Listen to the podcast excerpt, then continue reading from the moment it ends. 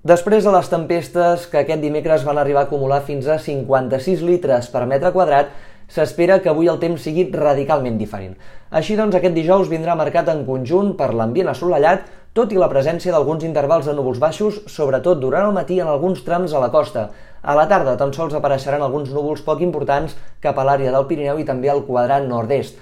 La temperatura tendirà a recular allà on ahir va fer força calor, mentre que a l'àrea del Pirineu, de les comarques de Ponent i també del nord-est, tendirà a pujar una mica. Per tant, amb aquests valors que se situaran entre els 24 i els 29 graus al Pirineu, al prelitoral nord i al litoral, i entre els 29 i els 34 a la resta de zones interiors.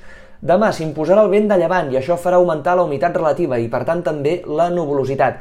Així doncs, s'espera un matí força ennubulat en alguns sectors, tot i que a mesura que avanci el dia, de mica en mica aquests núvols s'aniran esqueixant sense desaparèixer, fins i tot amb la possibilitat que pugui haver-hi algun ruixat aïllat a cavall del Camp de Tarragona i de les Terres de l'Ebre.